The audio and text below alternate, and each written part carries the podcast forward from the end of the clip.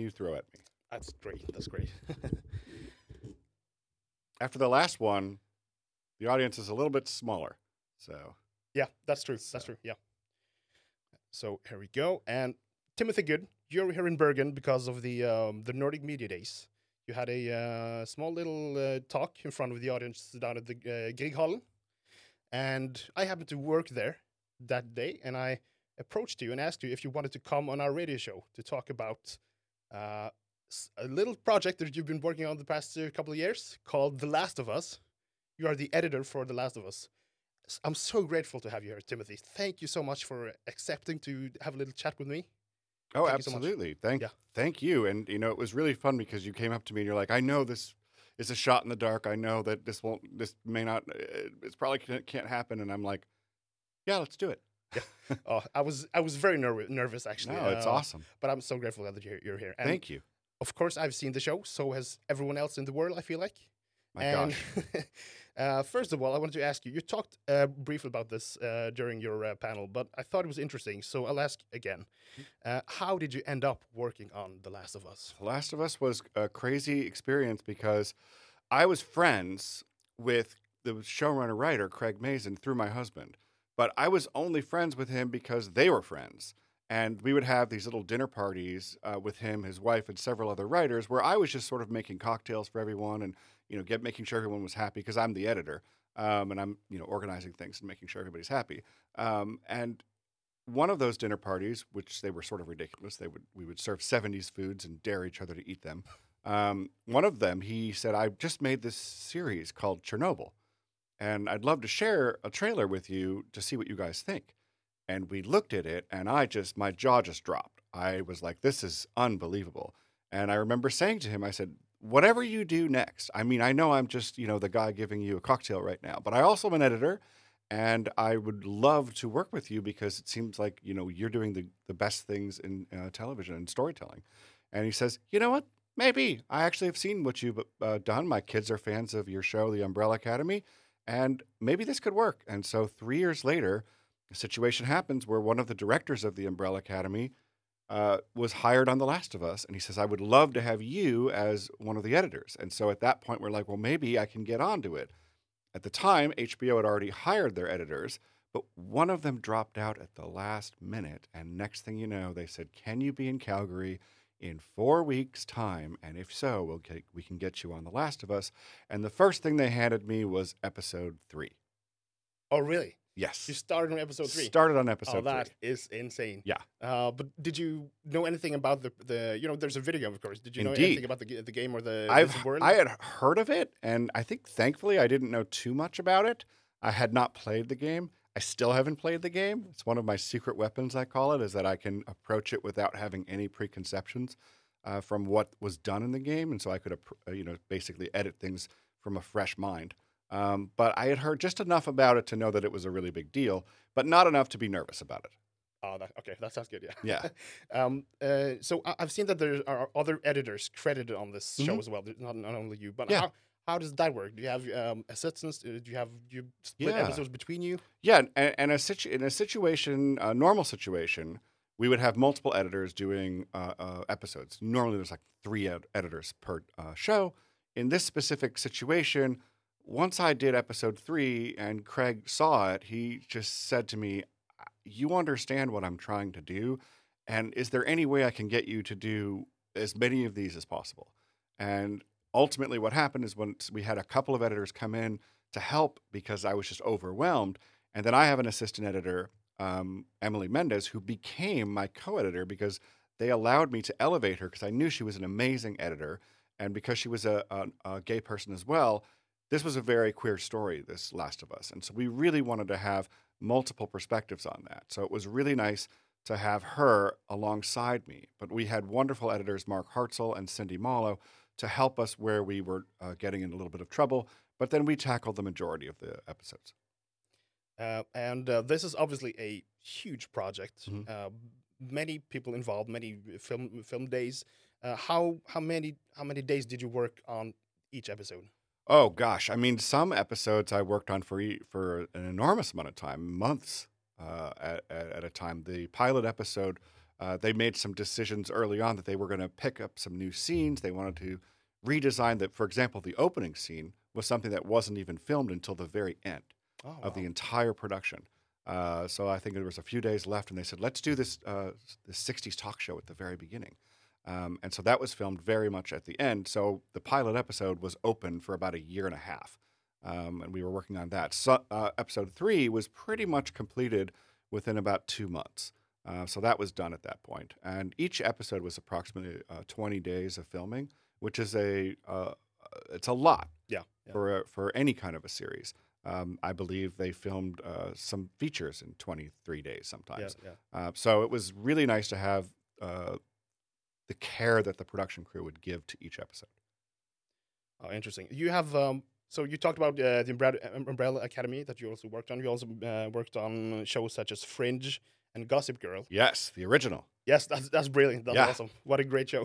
Thank you. Thank you. um, But The Last of Us is based on a video game, so it differs a lot from those shows. Yeah. Um, with uh, there's also some scenes in Last of Us just which is just almost spitting image of the game. Yeah. Scenes from the game. Uh, so how did that uh, affect you? Did your workflow change because of that? Did you uh, reference the source material? Did you talk with uh, with Neil Druckmann, the game uh, creator, about the game or anything like this? Yeah, and again, this was my sort of my secret here was that I didn't, and I never watched the cutscenes. The only time I watched some cutscenes was after I'd edited the scenes themselves. So it was, in fact, I'll give you a really uh, fun little story. The very last scene of the season, Craig said to me, "You know, this is a really important scene. Maybe you should reference the cutscene first. I know that's not been our process this whole time, but I just, I just want to make sure it's just, just perfect." And I said, "Okay, I will." And about five minutes later, I thought to myself, I'm like, I don't want to do that. I don't, I just don't want to, I don't want to copy it. I want, I, everything I've done so far has been to approach the material in a fresh manner and then see what they feel about it.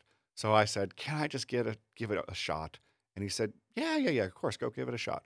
So I went away for a couple hours, did the sequence the way I felt it should be done. And I said, all right, now I'm going to watch the cutscene for the first time. Um, and I watched the cutscene and I just stood up and I screamed because it was almost exactly the same. And I could not believe that. And, you know, I'll give credit to Neil Druckmann for this because, you know, he has such an incredibly cinematic eye and the way he told uh, the game's story. And I was basically finding similar decisions. I was coming to the same decision. We- The, the inceptions were different, but the mm-hmm. results were the same. And I feel like it's a lot about how to show characters making these really difficult decisions and how long it takes for people to decide if they're going to lie to someone else, decide if they're going to believe someone else, and where to be cinematically in terms of the architecture of the shots, when to be wider, when to be tighter, when to be really tight. Um, so all of those things were very similar. And so in the end, my version was really, really, really close to the final. And that's why it always seems like it was exactly uh, cut for cut. But in the end, nothing was ever done with watching the cutscenes before. Yeah. And then uh, obviously it also elevates the original with these uh, flashbacks or these stories about the, the past and how we, Yeah. we got to where we are now. Um, how, how did you work with with those type of scenes where you basically have to take audience from from the present back in time or you know cut between stories like that? Well, it, I mean, in terms of the flashbacks for, there was a couple of uh, flashbacks that were written for perspective. Like, for example, Ellie meeting Riley. The way that worked, it was all based on the fact that, you know, at that point, Joel has been uh, mo- uh, wounded. Uh, I wanted to say mortally wounded, but he's not mortally wounded. Um, he's wounded by the Raiders, uh, and she has to help him. And he's telling her to leave, to get out, to not care about me anymore. And it causes her to have this moment when she's leaving and running away from him at the top of the stairs, and she stops for a moment. And it causes her to have this memory. And the memory is the entire story of Ellie meeting Riley and Ellie's night with Riley in the mall. And the final scene of that flashback is a sequence that allows the audience to feel that Ellie has learned from Riley that you never give up on your family and that your family is the most important thing and you just never give up. You never surrender. And therefore, we go back to that very moment of decision then on Ellie's face. and she then makes a decision. You think she's going to potentially leave, but she stays. And that's how that flashback was kind of bookended. It was about a, a singular thought process, one moment of decision that she has to have. And then it turns into about 45 minutes of a story that basically informs that single decision. So that was how we uh, approached that one. The flashback in the last episode was was fun because we didn't even we just started there. We started with the uh, the birth of Ellie, uh, and it just started in the past, and and you figured it out along the way. You were like, "Who is this woman who's pregnant? We don't even know." And as and then you start putting the pieces together because you see Marlene. You go, "Oh wait, that's Marlene." And then when she calls the baby Ellie, you re- you realize for sure that this is baby Ellie, and that was about understanding the trauma that her life has been about, how she was born into the world through trauma, and how she has now been affected by the trauma of the previous episode, almost being raped by David. And now, in her personal state of mind, you can understand how that trauma is reverberating through her uh, uh, until she sees the giraffe. And that's what brings her back to being the Ellie we know. It's powerful stuff, and it's so interesting to hear you talk about this. Yeah. Uh, and also, uh, sound is obviously super important in a show. Very important. The sound uh, design and the music. Uh, but uh, I'm, I'm curious, curious about this because we don't know much about how, how you work behind the scenes on stuff like this. How Sure. how um I'll ask this. Um, uh, I presume that a lot of the sound work and music work is done after you, you've edited. How do you work with the aspects like that when you're trying to create the story um, without the music and the sound there? Right. Well, actually, we work with temporary sound and music during the editing process. Um, and it's very important to Craig Mazin, uh, the creator of the show, uh, co creator of the show. And uh, he was with us all the time. He is a big proponent of sound. He's always been a big proponent of sound. He says, I process the world through sound more than I process the world through uh, images. Um, and so we would have, and, and my assistant editor had an enormous library of sound effects and sound backgrounds and whatnot. And you know, she's a, uh, was a genius with this. So each episode would have a fully immersive soundtrack built while we were doing editing.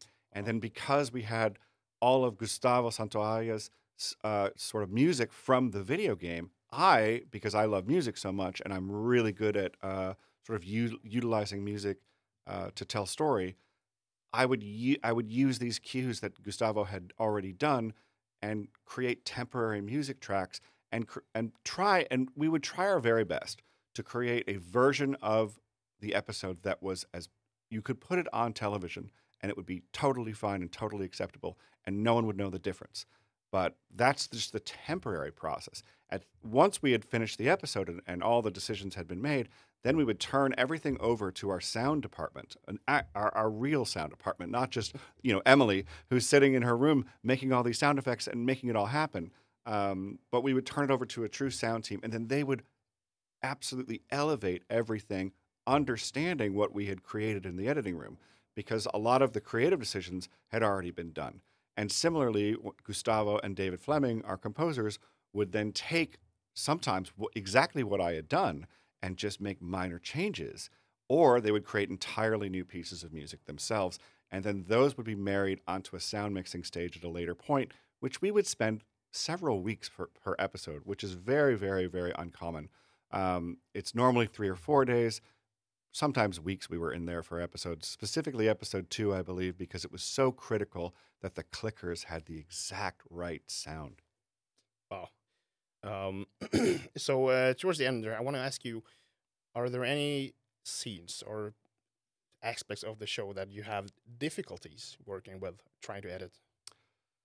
Ooh, aspects that are difficult. Yeah. Um, I don't think of them as difficult as I think of them as challenging. That would probably Um, be the better word. yeah. yeah, yeah. Everything I, degree of difficulty is, is a good question. So for example the battle sequence in episode five the huge battle uh, it was really difficult for me because there was so much material. They filmed that for oh my gosh three weeks and it was all overnight. And so i had this enormous amount of material to, to draw from from every perspective. And i tried to put it together in a way that would you know honor all of the pieces that were filmed And then in the end, you know, Craig and had this really wonderful idea, and I understood it later. He said, "This is not a big scene. This is actually a scene between two people and a thousand extras. So really, what we need to do is focus it on Joel protecting Ellie from whatever happens." And we are not going to deviate from that. So we're going to make sure that this is a relationship scene, but it just so happens to be wrapped up in a massive battle. So that was probably the most difficult sequence I had to do because it had such a high degree of difficulty that suddenly became simplified into just literally what does Joel see? What does Ellie see? That's it. And everything surrounding it was either them or a threat to them. And it just became really a, a very simplified, uh, beautiful sequence about uh, protection. Right, right. So, uh, on top of that, what was your favorite scene to work on? Oh, so many, so many favorite scenes. Um, I have a, a, a surprising one. Uh, I think my favorite scene to work on was the scene where Joel teaches Ellie how to use a gun. And uh, it's the only scene in the entire season that I actually did a version of. And I said, this isn't good enough. I have to start over. And I mean, truly start over. So I literally er, threw away the entire you know, delete. And uh, of course, I saved it, but I just threw it in a little other bin. And I said, I, I, I want to watch everything over again. I want to restart because I feel it's a really sensitive sequence to see the character of Joel finally open up to Ellie, who he is told, I'm not going to tell you anything about my past. You cannot have a gun. I'm not going to open myself up because I lost my daughter, Sarah. And this is the first sort of uh, piece of sunshine into him looking out for her. And so the sort of the nuance where he realizes at that moment that when she says, it isn't the first time I've I've hurt someone, he realizes, oh, there's more trauma inside of her than I thought, and she did save me. And so she has earned this position of trust with me. So to show all of that and to find exactly the right moments and to do it in a way that didn't feel heavy handed was probably my favorite thing to do. And I remember the director watched the scene and said, I said, Do you have any notes? And he goes, No. Next scene. And then I said to Craig as he watched the scene afterwards, I said, Do you, do you have any notes? And he goes, No. Next scene. So that's exactly how I did it.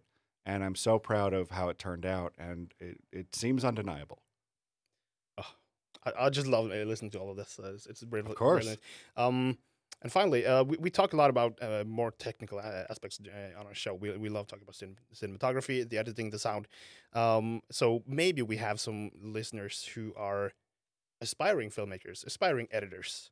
Uh, do you? Ha- what would you say? To that might be a difficult. No, question. no, it's not what a would you say difficult to someone who might want to get into film editing? Where Well, would they start? here where you start is you want to surround yourself with as many people who are in it as possible and what that means is just finding a community of, of filmmakers. And a lot of times it's in the student uh, realm which I, i'm a professor uh, in the united states of, of film editing. And i see so many students who have the opportunity to to edit. And this is my advice is you is the closer you are to seeing how it's done the closer you are to actually doing it. And the more practice you get at doing it, the better you become and the more you learn, as opposed to just sort of watching it and trying to objectively say, well, this is good editing because I'm watching it. You have to really get your hands dirty. And, and what that can mean is either uh, taking the risk of editing short films yourself. And, and, and it, it's something that you may just find as a calling is like you understand how you want to create an emotion in the audience. And maybe it's not in directing, and maybe it's not in writing uh, maybe it's not in cinematography, but it, you have sort of the uh, what I call you have the the, the luxury of time, uh, where you're not being stared at by five thousand people saying hurry, hurry, hurry, hurry. As an editor, you get to sit in a room by yourself. Usually, it's very nice and cool, um, and you can make decisions about filmmaking without sort of the the cacophony outside. So the opportunity to do that as much as you possibly can, and if you can't do that to find people who do and just ask the question can I watch? Can I watch? And if I can sit behind someone, this is how I learned how to be an editor, is I watched someone else. And I said, wow, that's how they handle it. This is how it works. And that's how you do it. Wow, brilliant. Um, what is next for Timothy Good? Timothy Good. Oh the- my gosh. what is next for me is uh, honestly Last of Us 2 is is next for me. so I'm the really second season. excited. The second season. Uh, unfortunately, there's a writer's strike happening in the United States right now. Um, so once that's resolved, um, hopefully very soon, um, we'll start uh, filming that series. And I'm very proud of the work we did on season one. I can't think of a, a more wonderful production to be part of. Craig Mazin and Neil Druckmann have created an absolutely uh, fantastic environment, a supportive place for artists. Um, and who can ask for better than to have a supportive place for artists and fantastic material? Uh, we're we're definitely looking forward to season two here on, on our show, and uh, good luck on season two. Good luck in getting back to uh, the states, where you said you're going to be here for a few days. Yes, I have to. I have to go through Yep. Oslo. I have to. I have to see all of as much of Norway as I can possibly Yes, see. I, yes. I've been so. Uh, I'm so grateful to everyone in Bergen. It's been such a delight to be here. I love this city. Oh, I'm so glad. And also, when uh, award season comes up, good luck with that as well. Oh, We're gonna root thank for you. you. and, Thank and you very of your, much. uh, career in, in The Last of Us. Thank you so much, Tim. Thank you. Yeah, thank you. I don't know what to say. Thank you so thank much. Thank you.